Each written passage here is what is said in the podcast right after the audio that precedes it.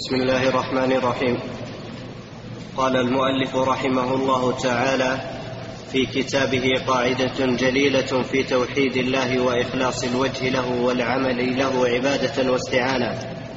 فصل قال الله تعالى في أم القرآن والسبع المثاني والقرآن العظيم إياك نعبد وإياك نستعين. وهذه الصورة هي أم القرآن. وهي فاتحة الكتاب وهي السبع المثاني والقرآن العظيم وهي الشافية وهي الواجبة في الصلوات لا صلاة إلا بها. وهي الكافية تكفي من غيرها ولا يكفي غيرها عنها. نعم. والصلاة بسم الله الرحمن الرحيم. الحمد لله رب العالمين وأشهد أن لا إله إلا الله وحده لا شريك له وأشهد أن محمدا عبده ورسوله صلى الله وسلم عليه وعلى آله وأصحابه أجمعين. أما بعد استهل رحمه الله تعالى هذا الفصل ببيان مكانة هذه السورة سورة الفاتحة التي هي أعظم سورة في القرآن الكريم. وذكر رحمه الله تعالى جملة من أسماء هذه السورة وهي أسماء وهي أعلام وأوصاف. أسماء لهذه السورة وأوصاف تدل عليها أوصاف لهذه السورة تدل عليها هذه الأسماء. فقوله أم القرآن لأنه اجتمع فيها اجمالا ما جاء في القرآن تفصيلا. والسبع المثاني لأنها سبع آيات والمثاني لأنها تثنى في كل صلاة بل في كل ركوع من كل صلاة. تسمى القرآن العظيم لأنها جمعت ما حواه القرآن العظيم تفصيلا. وهذا لفظ حديث صح في البخاري وغيره. عن نبينا عليه الصلاة والسلام قال أم القرآن هي السبع المثاني والقرآن العظيم. وتسمى فاتحة الكتاب لأنه افتتح بها.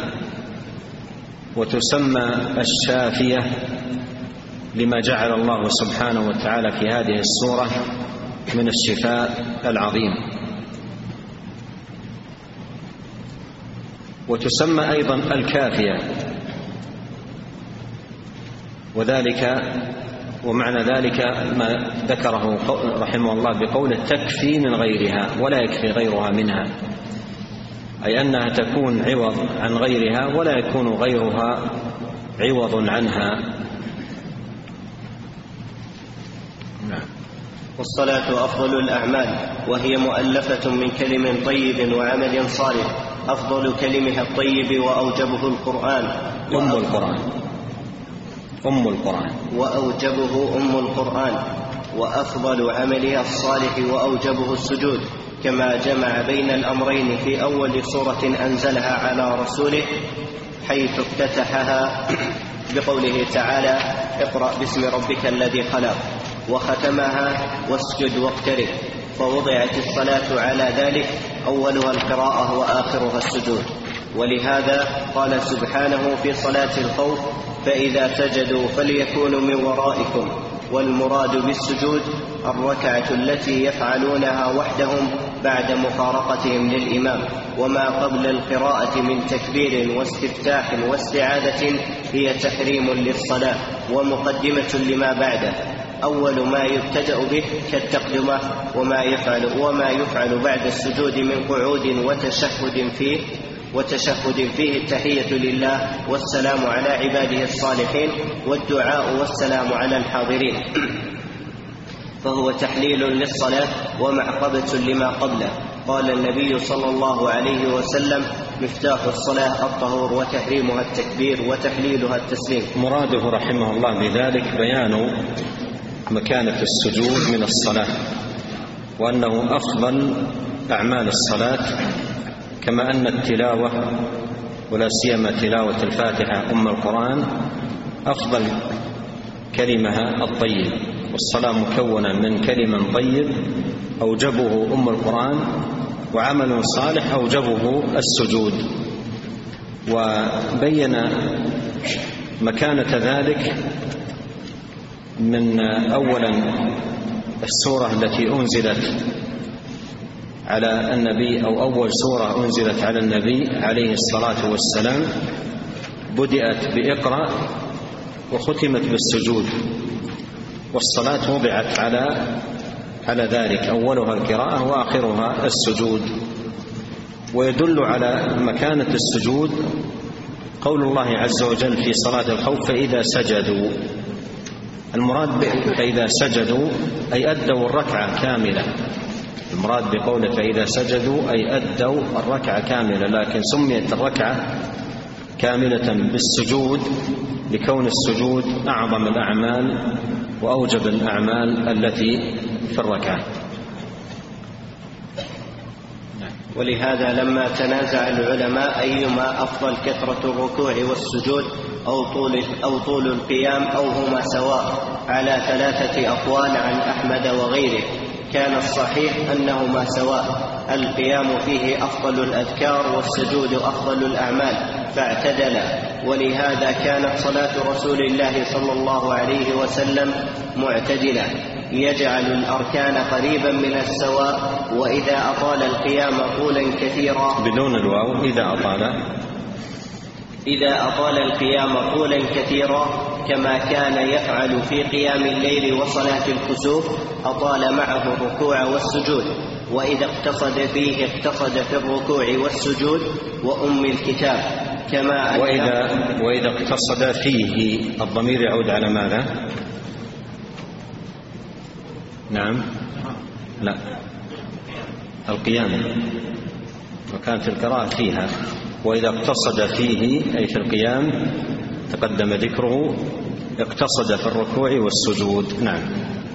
وأم الكتاب كما أنها كما أنها القراءة الواجبة فهي أفضل سورة في القرآن. قال النبي صلى الله عليه وسلم في الحديث الصحيح لم ينزل في التوراة ولا الإنجيل ولا الزبور ولا القرآن مثلها. وهي السبع المثاني والقرآن العظيم الذي أوتيته. وفضائلها كثيرة جدا. وقد جاء مأثورا عن الحسن البصري رواه ابن ماجه وغيره أن الله أنزل مائه كتاب وأربعة كتب. جمع علم جمع علمها في الأربعة وجمع علم الأربعة في القرآن وجمع علم القرآن في المفصل وجمع عندكم رواه ابن ماجه. وفي المخطوطتين ابن أبي حاتم وهو ليس موجودا في سنن ابن ماجه. الأقرب أن الصواب كما في المخطوطتين رواه ابن أبي حاتم وغيره روى ابن أبي حاتم أو رواه ابن أبي حاتم وغيره أن الله نعم. وقد جاء مأثورا عن الحسن البصري رواه ابن حاتم وغيره. ابن أبي حاتم. رواه ابن أبي حاتم وغيره أن الله أنزل مئة كتاب وأربعة كتب جمع, علمه جمع علمها في الأربعة وجمع علم الأربعة في القرآن وجمع علم القرآن في المفصل وجمع علم المفصل في أم القرآن وجمع علم أم القرآن في هاتين الكلمتين الجامعتين إياك نعبد وإياك نستعين. و... نعم. وأن وإن علم الكتب المن وإن علم الكتب المنزلة من السماء اجتمع في هاتين الكلمتين الجامعتين. نعم يعني ال... القرآن القرآن كله جمع في الفاتحة لأن الفاتحة أم القرآن ومعنى ذلك أنها حوت إجمالا ما حواه القرآن تفصيلا. فكل ما في القرآن موجود في الفاتحة إجمالا. وفي القرآن فصل ما أجمل في الفاتحة. فهذا يبين مكانة هذه السورة العظيمة. ثم السورة التي هي سورة الفاتحة جماعها في هاتين الكلمتين إياك نعبد وإياك نستعين. فدل ذلك على أن هاتين الكلمتين إياك نعبد وإياك نستعين فيهما جماع الدين كله لأن الدين يتكون من أمرين غاية وهو العبادة أو وهي العبادة ووسيلة وهي الاستعانة. قد جمع بين هذين الأصلين اللذين عليهما قيام الدين في قوله إياك نعبد وإياك نستعين. وهما عهد متكرر وميثاق بين العبد وبين ربه. يتكرر فرضا واجبا سبع عشرة مرة. هذا العهد والميثاق يتكرر سبع عشرة مرة من المسلم في الصلاة المكتوبة. وأما النوافل فإن تكراره فيها لا حد له بحسب حظ العبد ونصيبه من النوافل. والعبد يعاهد الله بأن يعبده ولا يعبد غيره وأن يستعين به ولا يستعين بغيره. ولهذا من يقول أو يقرأ هذه السورة دون فهم منه لما دلت عليه ربما وقع في أمور تناقض هذا العهد. ولهذا يوجد في من في بعض من يقرأ الفاتحة من يقرأها ثم ينقضها. فيقول إياك نعبد ويكون منه عبادات مصروفة لغير الله. ويقول وإياك نستعين ويكون فيه استعانة بغير الله. فإياك نعبد وإياك نستعين عهد وميثاق بين العبد وبين الله أن يعبد الله ولا يعبد غيره وأن يستعين به سبحانه ولا يستعين بغيره. نعم. ولهذا ثبت في الحديث الصحيح حديث إن الله تعالى يقول حديث قسمة الصلاة. لعلها ساقطة عندكم. ولهذا ثبت في الحديث الصحيح حديث قسمة الصلاة أن الله تعالى يقول. ولهذا ثبت في الحديث الصحيح حديث قسمة الصلاة أن الله تعالى يقول قسمت الصلاة بيني وبين عبدي نصفين. نصفها لي ونصفها لعبدي ولعبدي ما سأل. فإذا قال الحمد لله رب العالمين قال الله حمدني عبدي. وإذا قال الرحمن الرحيم قال الله أثنى علي عبدي. وإذا قال مالك يوم الدين قال الله عز وجل مجدني عبدي. وفي رواية فوض إلي عبدي. وإذا قال إياك نعبد وإياك نستعين قال فهذه الآية بيني وبين عبدي نصفين ولعبدي ما سأل. فإذا قال اهدنا الصراط المستقيم صراط الذين أنعمت عليهم غير المغضوب عليهم ولا الضالين قال فهؤلاء لعبدي ولعبدي ما سأل. فقد ثبت بهذا النص أن هذه الصورة منقسمة بين الله وبين عبده وأن هاتين الكلمتين مقتسم الصورة. فإياك نعبد مع ما قبله لله وإياك نستعين مع ما بعده للعبد وله ما سأل. ولهذا قال من قال من السلف نصفها ثناء ونصفها مسألة. وكل واحد من العبادة والاستعانة دعاء. نصفها ثناء ونصفها مسألة. وهي كما علم سبع آيات. ولهذا نقلت لكم قول شيخ الإسلام محمد بن الوهاب رحمه الله قال ثلاث آيات ونصف لله وثلاث آيات ونصف للعبد. ثلاث الآيات الأول ثم قوله إياك نعبد هذا نصف آية هذا لله ثناء وتعظيم وتمجيد وثلاث آيات ونصف للعبد. بدءا من قوله وإياك نستعين إلى تمام السورة. فنصفها ثناء وهو لله ونصفها مسألة وهو للعبد. ولعلكم تعرفون قصة الرجل آه الذي جاء للنبي عليه الصلاة والسلام وأخبر أنه لا يحسن القراءة. وأخبر أنه لا يحسن القراءة. فماذا قال له النبي عليه الصلاة والسلام؟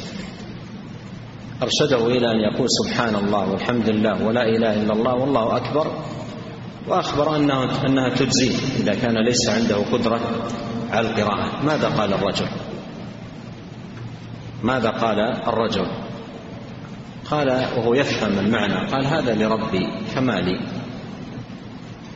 هذا لربي سبحان الله والحمد لله ولا إله إلا الله الله أكبر هذا لربي فما لي.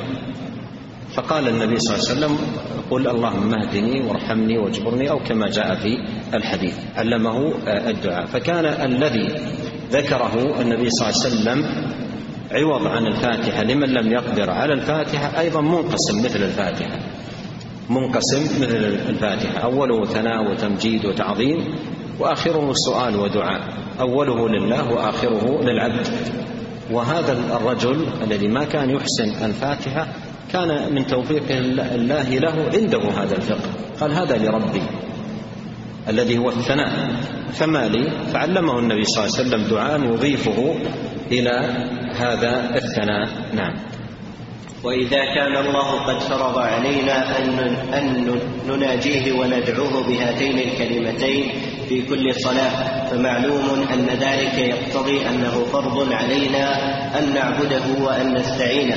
إذ إيجاب القول الذي هو إقرار واعتراف ودعاء وسؤال هو إيجاب لمعنى ليس إيجابا لمجرد لفظ لا معنى له فإن هذا لا يجوز أن يقع. بل إيجاب ذلك أبلغ من إيجاب مجرد العبادة والاستعانة فإن ذلك قد يحصل أصله بمجرد القلب أو القلب والبدن بل أوجب دعاء الله عز وجل ومناجاته وتكليمه ومخاطبته بذلك ليكون الواجب من ذلك كاملا صورة ومعنى بالقلب وبسائر الجسد. يعني عندما تقول إياك نعبد وإياك نستعين. هذا قول أوجبه الله. يعني لم يكتف منا باعتقاد ذلك والإيمان به في القلب والإقرار به بل أوجب علينا أن نقول قولا متكررا سبع عشرة مرة في اليوم والليلة على سبيل الإيجاب. وأما على سبيل الاستحباب فلا حد لذلك ولا عد بحسب حظ العبد ونصيبه من النوافل. هذا الذي نقوله بألسنتنا إياك نعبد وإياك نستعين. يفيد أن إيجاب الاستعانة علينا والعبادة ليس شيئا يضمر في القلب ويعتقد بل أيضا اللسان يقر بذلك ويتكرر إقراره بذلك. ثم الجوارح تعمل تبعا لهذا الإقرار. ولعل هذا يمكن أن ينتزع منه فائدة مهمة جدا وهي أن الأذكار الشرعية الموظفة الراتبة ليست أقوال هكذا تقال لا معنى لها أو لا مقصد تحققه بل الأذكار المأثورة الشرعية الموظفة منها والمرتبة بحسب الأوقات وغيرها هذه كلها تجدد الإيمان. تجدد الإيمان وتمتن الاعتقاد وترسخ الدين. فلا يزال العبد يجدد هذا التوحيد. إياك نعبد وإياك نستعين. كل مرة يحصل هذا التجديد وهذا هذه المعاهدة بينه وبين الله سبحانه وتعالى. وإنما يتحقق هذا التجديد باستحضار العبد المعنى. استحضار المعنى وعقله للدلالة. أما إذا كان يقرأ ولا يعي فلا يتحقق هذا المقصود. مثل ذلك قوله في السورة اهدنا الصراط المستقيم. كثير من الناس والعوام يقرأها ولا يستحضر أنه دعاء يدعو الله به. ولهذا يقول شيخ الإسلام محمد عداد رحمه الله ينبغي أن ينبه العوام أن قوله اهدنا الصراط المستقيم دعاء. أن كثير منهم يقرأ مجرد آيات تقرأ في هذا الوقت. بينما الأصل أن يتنبه الناس أن هذا دعاء يستحضر أنه يدعو الله. بعد أثنى على الله ومجد الله وعظم الله بدأ يدعوه وانظر التفاتة ذاك الأعرابي الذي لم يكن يحسن أن يقرأ الفاتحة.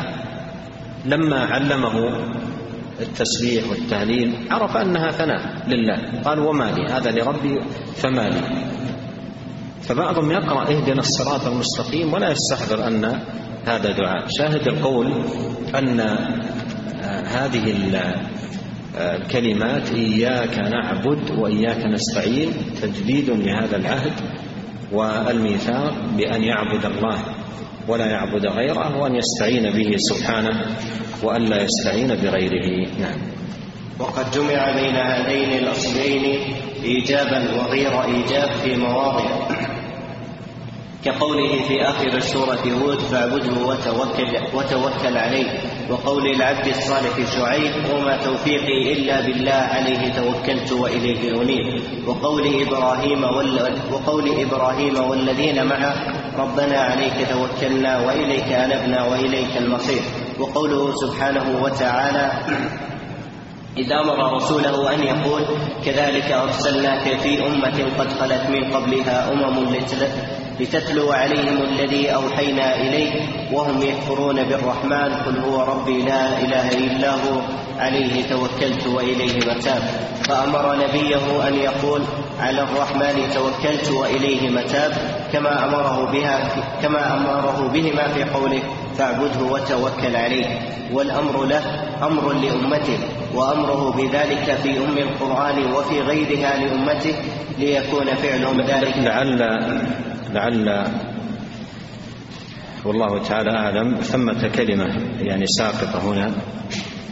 والأمر له أمر لأمته وأمره بذلك في أم القرآن وفي غيره أمر لأمته. وأمره بذلك في أم القرآن وفي غيره أمر لأمته. ليكون فعلهم ذلك طاعة لله. نعم. وأمره, وأمره بذلك في أم القرآن وفي غيره. أمر لأمته ليكون فعلهم ذلك طاعة لله وامتثالا لأمره. ولا يتقدم بين يدي الله ورسوله. ولهذا كان عامة ما يفعله نبينا صلى الله عليه وسلم والخالصون من أمته من الأدعية والعبادات وغيرها إنما هو بأمر من الله بخلاف من يفعل ما لم يؤمر به وإن كان حسنا أو عفوا. وهذا أحد الأسباب الموجبة لفضله وفضل أمته على من سواهم على من سواهم وفضل وفضل الخالصين من أمته على المشوبين الذين شابوا ما جاء به بغيره كالمنحرفين عن الصراط المستقيم. وإلى هذين الأصلين كان النبي صلى الله عليه وسلم يقصد في عبادته وأذكاره ومناجاته مثل قوله في الأضحية اللهم هذا منك ولك فإن قوله منك هو معنى التوكل والاستعانة وقوله لك هو معنى العبادة ومثل قوله في قيامه من الليل لك أسلمت وبك آمنت وعليك توكلت وإليك أنبت وبك خاصمت وإليك حاكمت أعوذ بعزتك لا إله إلا أنت أن تضلني أنت الحي الذي لا تموت والجن والإنس والجن والإنس يموتون إلى أمثال ذلك. نعم. آه هنا حقيقة لفتة جميلة وعظيمة يلفت إليها شيخ الإسلام يقول وإلى هذين الأصلين كان النبي صلى الله عليه وسلم يقصد في عبادته وأذكاره ومناجاته. إلى هذين الأصلين كان النبي صلى الله عليه وسلم يقصد في عبادته وأذكاره ومناجاته. ينبهك بذلك أن تلحظ هذا الملحظ الأدعية المأثورة عن النبي صلى الله عليه وسلم تجمع هذين الأصلين العبادة والاستعانة. وضرب لك ضرب على ذلك مثلين. الأول قوله في الأضحية عند ذبحها اللهم منك ولك. منك ولك. منك أنت المتفضل به والمعين على وجوده والميسر له. فهذا فهذا يتعلق بماذا؟ بالاستعانة والتوكل. وقوله ولك ولك هذا يتعلق بجانب العبادة أي أذبحه متقربا به لك وحدك. ولهذا أيضا التسمية عند الذبح عندما تقول بسم الله عندما تقول بسم الله الباء الباء الاستعانة. ولهذا قال العلماء الشرك الذي يكون في الذبح الشرك الذي يكون في الذبح نوعان. ما يقع من شرك في الذبح نوعان شرك في الاستعانة شرك من جهة الاستعانة. كمن يعني يقول عند ذبحه باسم المسيح أو باسم فلان أو باسم علان فهذا شرك في باب الاستعانة. والنوع الثاني شرك في باب العبادة عندما يذبح ذبيحة قربة لغير الله لقبر أو ضريح أو غير ذلك فما يقع من شرك في الذبح مناقض إما لقوله منك أو مناقض لقوله ولك. فهو نوعان شرك عبادة وشرك استعانة. قال اللهم منك ولك فإن قوله منك هو معنى التوكل والاستعانة وقوله لك هو معنى العبادة. قال ومثله قوله في قيام قيامه من الليل. قوله في قيامه من الليل اللهم لك أسلمت وبك آمنت وعليك توكلت وإليك أنبت وبك خاصمت وإليك حاكمت. أعوذ بعزتك لا إله إلا أنت أن تضلني أنت الحي الذي لا يموت والجن والإنس يموتون. هنا آه، آه، والله تعالى أعلم دخل حديث على حديث. والذي جاء في قيام الليل حديث ابن عباس رضي الله عنهما قال وبك خاصمت وإليك حاكمت فاغفر لي ما قدمت وما أخرت وما أسررت وما أعلنت. أنت المقدم وأنت المؤخر لا إله إلا أنت ولا حول ولا قوة إلا بالله. فهذا الذي في حديث ابن عباس في قيام الليل. وجاء في حديث آخر وهو أيضا في الصحيحين أن النبي صلى الله عليه وسلم كان يقول في دعائه وليس له تعلق بقيام الليل كان يقول في دعاء اللهم لك أسلمت وبك آمنت وعليك توكلت وإليك أنبت وبك خاصمت. أعوذ بعزتك. لا إله إلا أنت. أن تضلني فأنت الحي الذي لا يموت والجن والإنس يموتون. فهنا دخل حديث على آه، حديث. وموضع الشاهد هنا في قوله لك أسلمت وبك آمنت ثم قوله وعليك توكلت وإليك أنبت وبك خاصمت. قول لك أسلمت وإليك أنبت هذا عبادة. وقول عليك توكلت وبك خاصمت هذا استعانة وتوكل. نعم. إذا تقرر هذا الأصل في هذين الموضعين لا يخلو من أحوال أربعة هي القسمة الممكنة. إما أن يأتي عندي عندي فإن الإنسان في هذين الواجبين لا يخلو من أحوال أربعة هي القسمة الممكنة. نعم.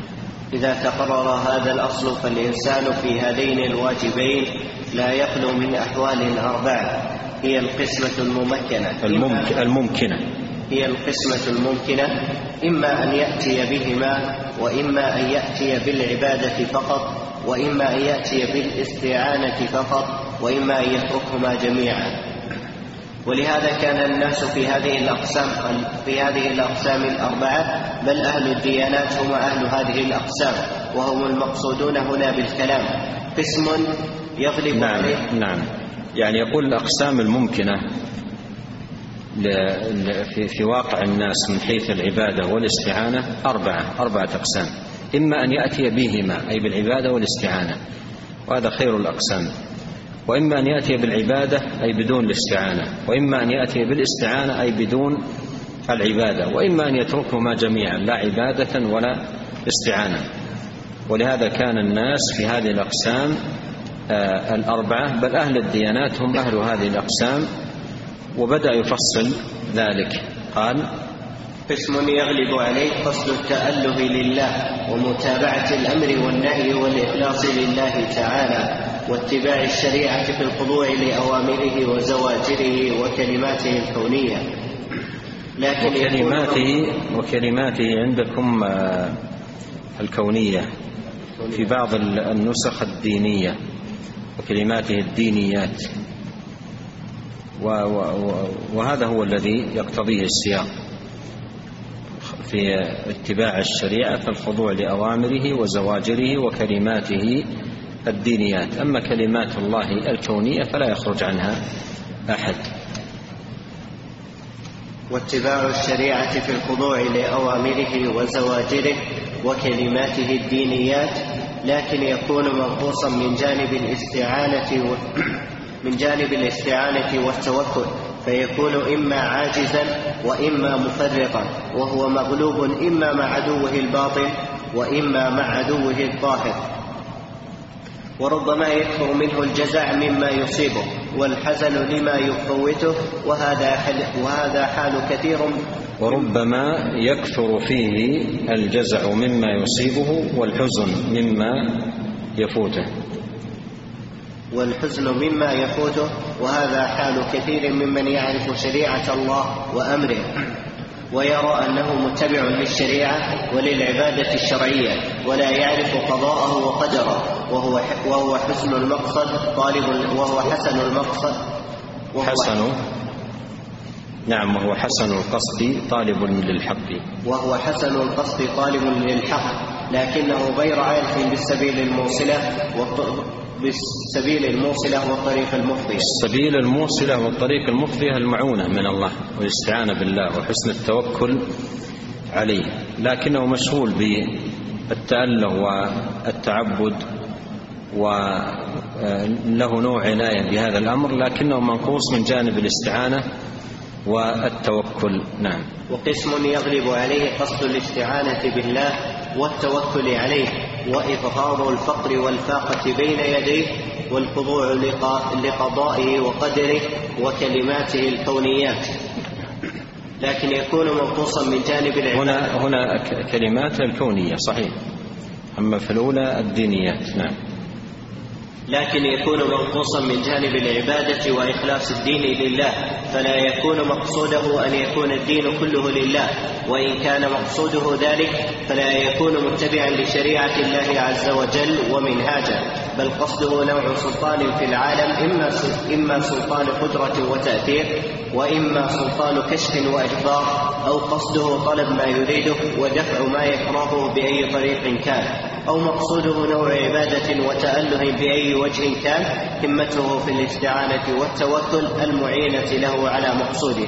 فيكون إما جاهلا وإما ظالما تاركا لبعض ما أمره الله به راكبا لبعض ما نهى الله عنه. وهذا حال كثير ممن يتأله ويتصوف ويتفقه ويشهد قدر الله وقضائه ولا ولا يشهد ويشهد قدرة الله وقضاءه. ويشهد قدرة الله وقضاءه ولا يشهد أمر الله ونهيه.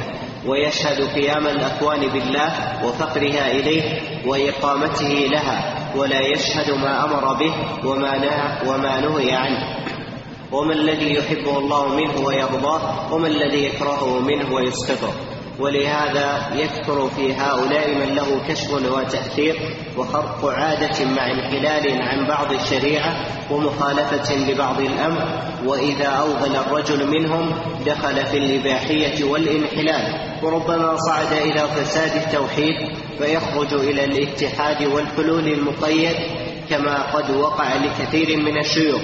ويوجد في كلام صاحب منازل السائرين وغيره ما يفضي إلى ذلك.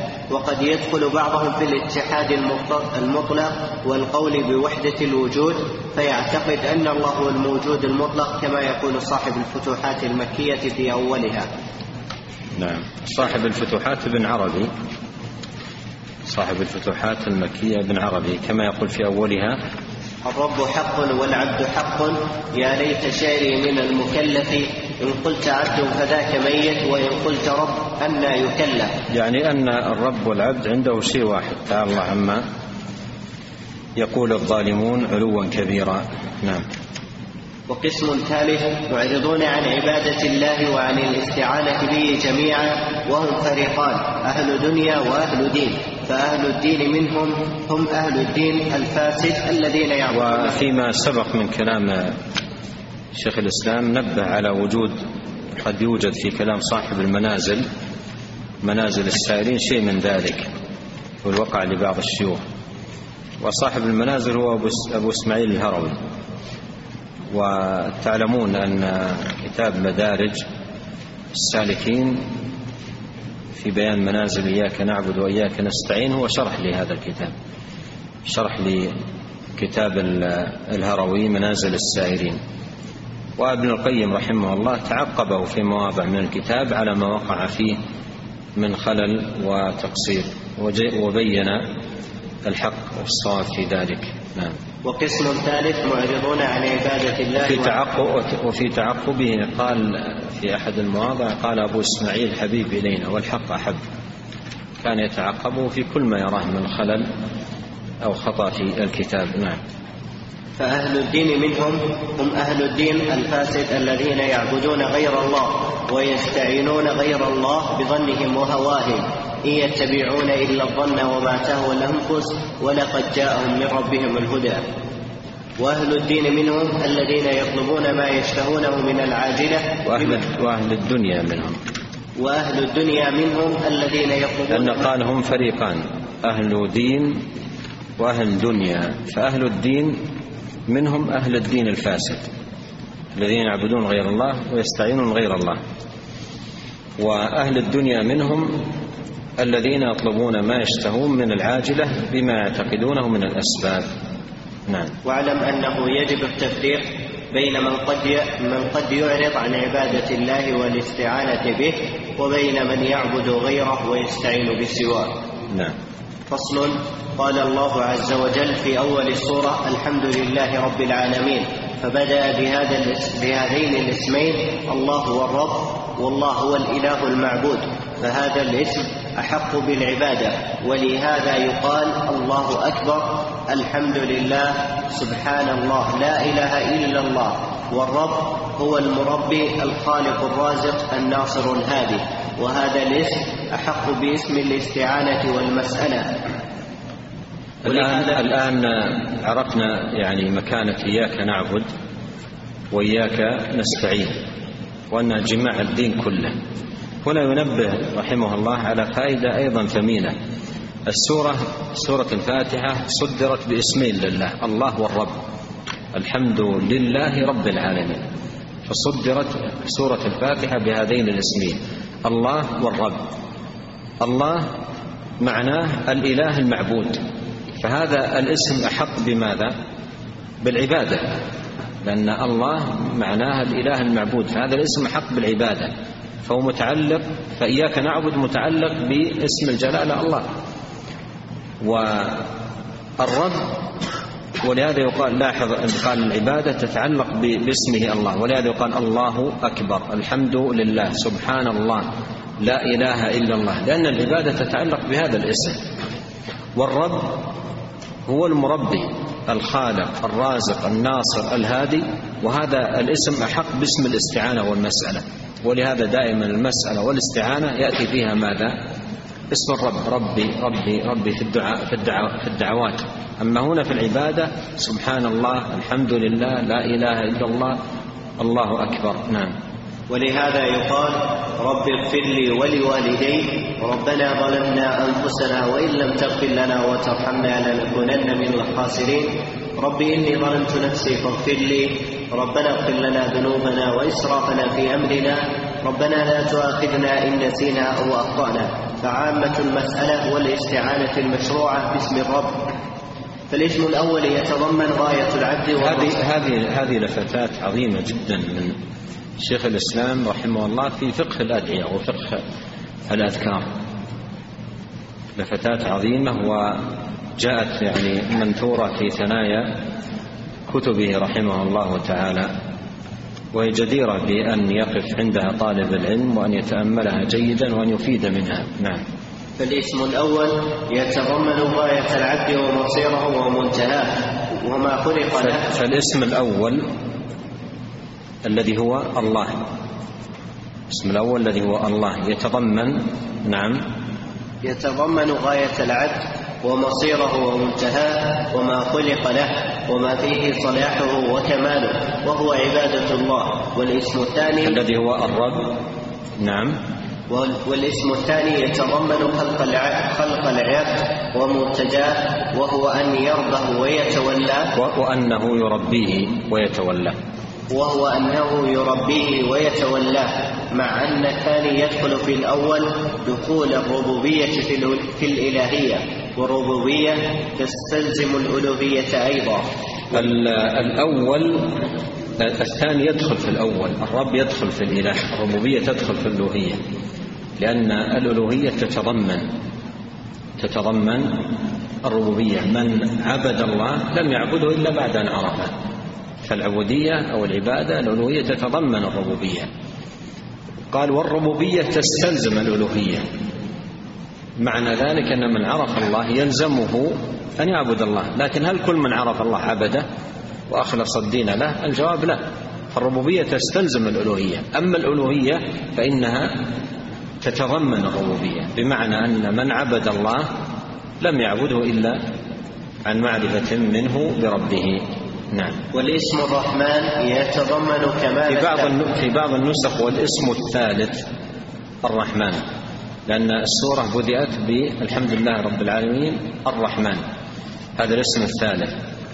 والاسم الثالث والاسم الثالث الرحمن يتضمن كمال المتعلق الآن الآن لو تتأمل يعني ال ال ال الإله الله يتضمن العبودية والخضوع والذل والانكسار والامتثال إلى آخره. الربوبية يتضمن معنى الخلق والتدبير والخفض والرفع والعطاء والمنع. والرحمن يتضمن معنى البر والجود والإحسان والإنعام والإكرام. قال والاسم الثالث الرحمن والاسم الثالث الرحمن يتضمن كم يتضمن كمال التعلقين وبوصف الحالين فيه تتم سعادته في دنياه في دنياه واخراه. أيضا هذه فائدة ثمينة، الرحمن الذي هو الاسم الثالث يتضمن كمال التعلقين. التعلقين التعلقين المستفادين من الله الرب. الرب التعلق الذي فيه هو العبادة. والرب التعلق الذي فيه هو الاستعانة. والله التعلق الذي فيه هو العبادة. والرحمن يتضمن كمال التعلقين. بوصف آه، آه، الحالين فيه تتم سعادته في دنياه وأخراه. بمعنى أن من حقق وكمل وتمم التعلقين استعانة وعبادة فاز برحمة الله فاز برحمة الله وظفر برحمة الله سبحانه وتعالى فمن حقق التعلقين فاز بالرحمة ونالها ولهذا أيضا لاحظ قلنا أن الله يتعلق به من السورة ماذا؟ إياك نعبد الرب يتعلق به في السورة ماذا؟ وإياك نستعين. الرحمن يتعلق به بالسورة اهدنا الصراط المستقيم. لأن من كان كذلك رحمه الله وهداه إلى الصراط وثبته عليه إلى أن يدخله جنات النعيم. إلى أن يدخله جنات النعيم. فهي أمور مترابطة. انظر هذا المعنى الآن. في الآية التي سيذكرها رحمه الله. بقوله ولهذا قال وهم ولهذا قال تعالى وهم يكفرون بالرحمن قل هو ربي لا إله إلا هو. عليه توكلت وإليه متاب. لاحظ هذه المقولة العظيمة. الرحمن الرحمن هو ربي لا إله إلا هو. الرحمن هو ربي لا إله إلا هو. ففيه وصف الحالين. فيه وصف الحالين يعني من حقق الاستعانة بالله والتوكل عليه وحقق العبادة كان من أهل الرحمة التي خصها الله سبحانه وتعالى بأوليائه المتقين. قال فذكر هنا فذكر هنا الأسماء الثلاثة الرحمن وربي والإله وقال عليه توكلت وإليه متاب كما ذكر الأسماء الثلاثة في أم القرآن. لكن بدأ هنا بسم الله ولهذا بدأ بالصورة ولهذا بدأ في الصورة بإياك نعبد. فقدم الاسم وما يتعلق به من العبادة لأن تلك الصورة فاتحة الكتاب وأم القرآن. فقدم فيها المقصود الذي هو العلة الغائبة العلة الغائية. فقدم فيها المقصود الذي هو العلة الغائية فإنها علة فاعلية للعلة الغائية. وقد العلة الغائية العبادة والعلة الفاعلية الاستعانة بالله تبارك وتعالى. وقد بسطت هذا المعنى في مواضع في أول في أول التفسير وفي قاعدة المحبة والإرادة وفي غير ذلك. نعم، لاحظ الآن هذه الأسماء الثلاثة التي صدرت بها السورة وأيضا جمعت في الآية التي ذكر رحمه الله وهم يكفرون بالرحمن قل هو ربي لا إله إلا هو عليه توكلت. اسمه تبارك وتعالى الله اسمه الله فيه التأليه منهم له لأن فيه العبودية. فيه العبودية منهم أي من العباد لله سبحانه وتعالى. والربوبية ماذا؟ والربوبية منه لهم.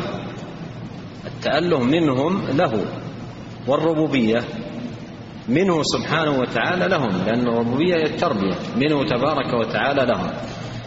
والرحمة التي دل عليها اسمه الرحمن سبب واصل بينه وبين عباده. سبب واصل بينه وبين عباده. بها أرسل الرسل وبها أنزل الكتب وبها ثبتهم على الصراط المستقيم وبها أدخلهم جنات النعيم. نعم. فصل ولما كان علم النفوس ولهذا قال العلماء عن هذه الأسماء الثلاثة الله الرحمن الرحيم قالوا هذه أصول الأسماء الحسنى والصفات العليا. بمعنى أن الأسماء الحسنى والصفات العليا راجعة كلها إلى هذه الأسماء الثلاثة الله الرحمن الرحيم. وفي الحديث أحب الأسماء إلى الله عبد الله وعبد الرحمن. نعم. فصل ولما كان علم النفوس بحاجتهم وفقرهم إلى الرب قبل علمهم بحاجتهم وفقرهم إلى الإله المعبود وقصدهم لدفع حاجيتهم العاجلة قبل الآجلة كان إقرارهم بالله من جهة ربوبيته أسبق من إقرارهم به من جهة ألوهيته وكان الدعاء له هو الاستعانة به والتوكل عليه فيهم أكثر من العبادة له والإنابة إليه. ولهذا إنما بعد إنما بعث الرسل يدعونهم إلى عبادة الله وحده لا شريك له الذي هو المقصود المستلزم للإقرار. المستلزم. الذي هو المقصود المستلزم للإقرار للإقرار بالربوبية. وقد أخبر عنهم أنهم ولئن سألتهم من خلقهم ليقولن الله وأنهم إذا مسهم الضر ضل من يدعون إلى إياه. وقال وإذا غشيهم موج كالظلل دعوا الله مخلصين له الدين. فأخبر أن هذا هذا كله الآن استعانة وإخلاص في الاستعانة والالتجاء إلى الله وحده. يخلصون لله عز وجل. قال فأخبر أنهم فأخبر أنهم مقرون بربوبيته وأنهم مخلصين وأنهم مخلصون له الدين إذا مسهم الضر في دعاء يعني يعني هؤلاء المشركون عندهم في جانب الربوبية إقرار يقرون بالربوبية كما قدم في الآية لئن سألتهم من خلقهم ليقولون الله. عندهم أيضا إخلاص في اللجوء والعبادة والدعاء متى؟ إذا مسهم الضر. ولهذا يقول وأنهم مخلصون له الدين إذا مسهم الضر في دعائهم واستعانتهم في الأمرين الدعاء والاستعانة. هذا وقت الشدة. ثم ثم يعرضون عن عبادته في حال حصول أغراضهم. في حال حصول أغراضهم مثلا من النجاة السلامة من المصائب والأمر المخوف إذا حصلت النجاة رجعوا إلى الشرك. وهذا من عجيب أمره الواجب على هؤلاء أن أن يتعظوا ويأخذوا العبرة من هذا الأمر. إذا ركبوا في الفلك ما الذي يحدث؟ دعوا الله مخلصين له الدين. فلما نجاهم إلى البر إذا هم يشركون. انظر قول الله سبحانه وتعالى في سورة الإسراء ربكم الذي يزجي لكم الفلك في البحر لتبتغوا من فضله إنه كان بكم رحيما. وإذا مسكم الضر أي أيها المشركون ضل من تدعون إلا إياه لا يبقى في عقولكم إلا الله. كل ما كن من كنتم تدعونه وتسألون لا يوجدون أصلا في عقولكم. ولا, ولا, ولا, تفكرون فيه. لا يكون في عقولكم وتفكيركم إلا من؟ اللجوء إلى الله. ضل من تدعون إلا إياه. فلما نجاكم إلى البر أعرضتم وكان الإنسان كفورا. طيب الآن وأنتم في البر تفكروا. وخذوا العبرة. أفأمنتم أن يخسف بكم جانب البر؟ أفأمنتم أن يخسف بكم جانب البر؟ الآن خرجتم من البحر. وأحسستم كأنكم سلمتم من ورجعتم للشرك. ألا تعقلون؟ أفأمنتم أن يخسف بكم جانب البر؟ أو يرسل عليكم حاصبا أي وأنتم في البر ثم لا تجدوا لكم وكيلا. أمر ثالث. أو يعيدكم فيه تارة أخرى. في البحر تذكرون حاجة مصلحة تجارة وترجعون تركبون البحر مرة أخرى ويأتيكم أيضا المصاب مثل الأول أو أشد أو أو أو يرس أو يعيدكم فيه تارة أخرى فيرسل عليكم قاصفا من الريح فيغرقكم بما كفرتم. إذا أنتم لا لا غنى لكم عن الله لا في بر ولا في بحر. ولهذا آه، عكرمة بن آه، أبي جهل وكان ممن أهدر النبي صلى الله عليه وسلم دمهم يوم الفتح فر وركب البحر. ولما ركب البحر أتت أمواج وكادوا يغرقون. فأصحاب السفينة ملاكها قالوا لمن فيها أخلصوا أخلصوا. لا ينجيكم هنا إلا الإخلاص. أخلصوا لا ينجيكم إلا الإخلاص. فقال عكرمة لئن كان لا ينجينا هنا إلا الإخلاص. فلا ينجينا في البر إلا الإخلاص. لله علي عهد إن أنجاني من هذا لأذهبن إلى محمد ولا أضعن يدي في يده ولا, ولا أجدنه رؤوفا رحيما. أو كلاما هذا معناه وفعلا نجاه الله وأخذ يتسلل لأنه مهدر دمه. أي واحد من المسلمين يراه سيقتل مباشرة. فأخذ يتسلل إلى أن جاء للنبي صلى الله عليه وسلم وضع يده في يده وأسلم. نعم. وكثير من المتكلمين إنما يقرون إنما يقررون الوحدانية من جهة الربوبية من جهة الربوبية.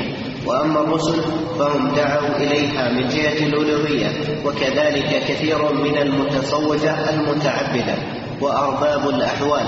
إنما توجههم إلى الله من جهة ربوبيته لما يمدهم به في الباطن من الأحوال التي بها يتصرفون. وهؤلاء من جنس الملوك وقد ذم الله عز وجل في القرآن هذا الصنف كثيرا. ما معنى ما معنى قوله وهؤلاء من جنس الملوك؟ من جنس الملوك يعني يشبهون الملوك.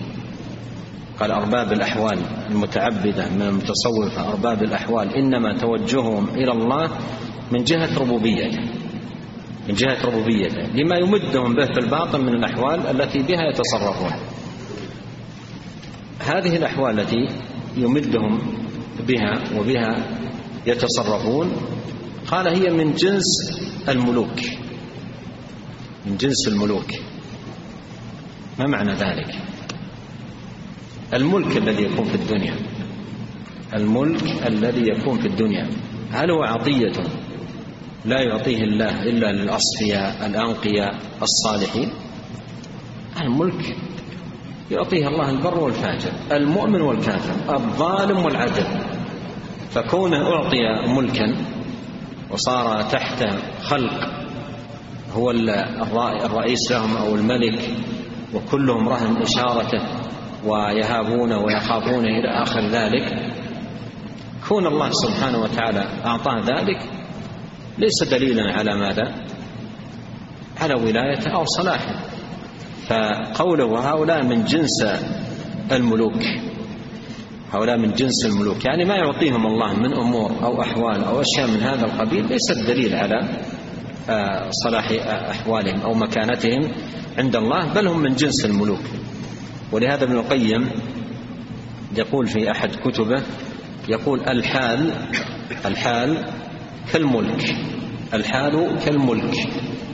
يعطيه يعطاه البر والفاجر والمؤمن والكافر. الحال كالملك. يعطاه البر والفاجر والمؤمن والكافر. نعم. وقد ذم الله عز وجل في القرآن هذا الصنف كثيرا فتدبر هذا فإنه تنكشف به أحوال قوم يتكلمون في الحقائق ويعملون عليها وهم لعمري في نوع من الحقائق الكونية القدرية الربوبية لا في الحقائق الدينية الشرعية الإلهية. وقد تكلمت على هذا المعنى في مواضع متعددة وهو أصل عظيم يجب الاعتناء به والله سبحانه أعلم. نعم يعني ينبغي أن يعرف وأيضا يعرف الفرق بين الحقائق الكونية القدرية وهذه تعلقها بالربوبية استعانة وتوكلا واعتمادا على الله ودعاء. والحقائق الدينية الشرعية الإلهية وهذه تعلقها بجانب العبادة إخلاصا للدين إخلاصا للدين وإفرادا لله سبحانه وتعالى وحده بالعبادة. وبقي لنا مجلس واحد نتمه غدا إن شاء الله في مثل هذا الوقت بعد صلاة العصر. وصلى الله وسلم على عبده ورسوله نبينا محمد وآله وصحبه أجمعين.